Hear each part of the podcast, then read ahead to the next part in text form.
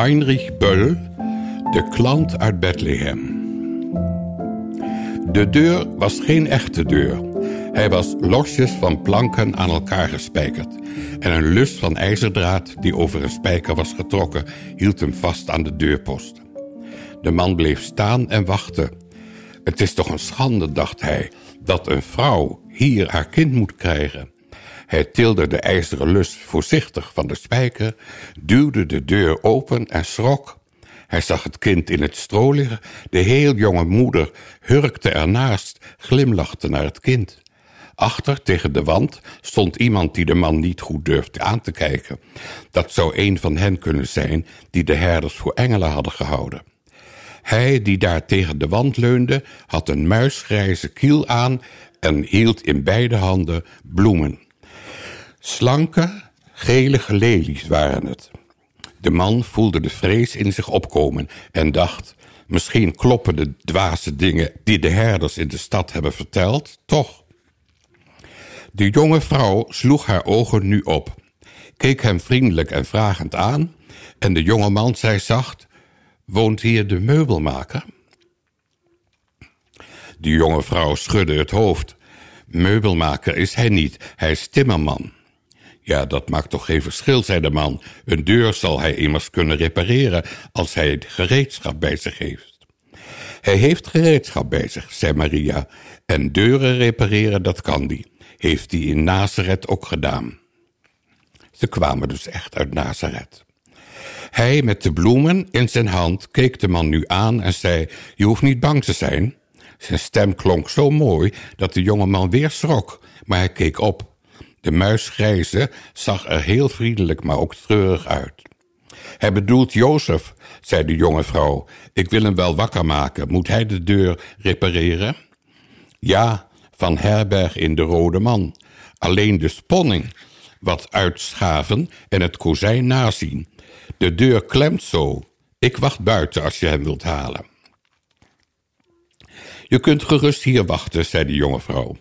Nee, ik wil liever buiten wachten. Hij wierp terloops een blik op de muisgrijze die hem glimlachend toeknikte, liep vervolgens achterwaarts naar buiten en sloot de deur voorzichtig door de lus over de spijker te trekken.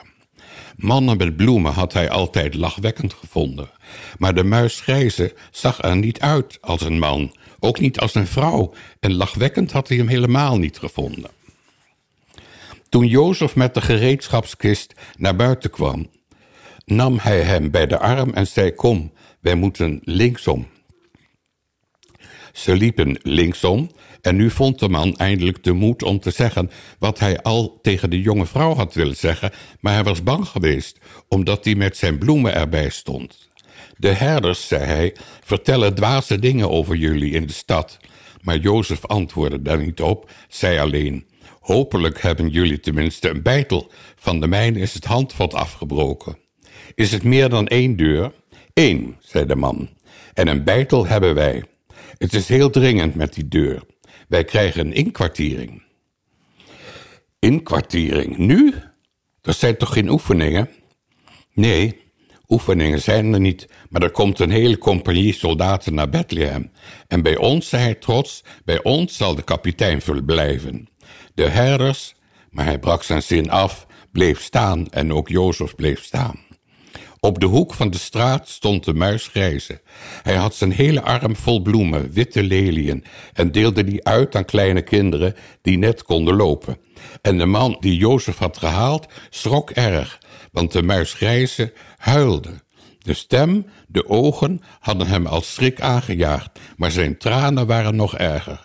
Hij raakte de monden van de kinderen en hun voorhoofd met zijn hand aan, kuste hun kleine, vuile handen en gaf elk van hen een lelie.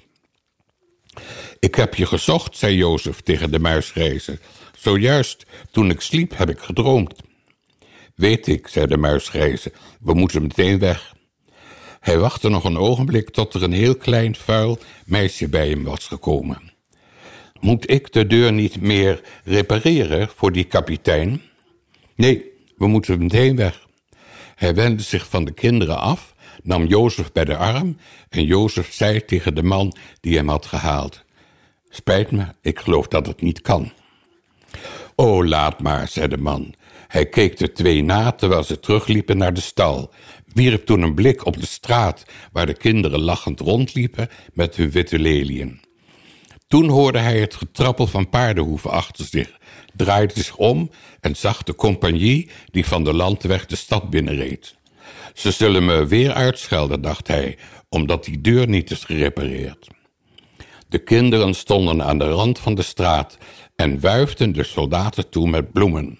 Zo reden de soldaten door een haag van witte leliën Bethlehem binnen.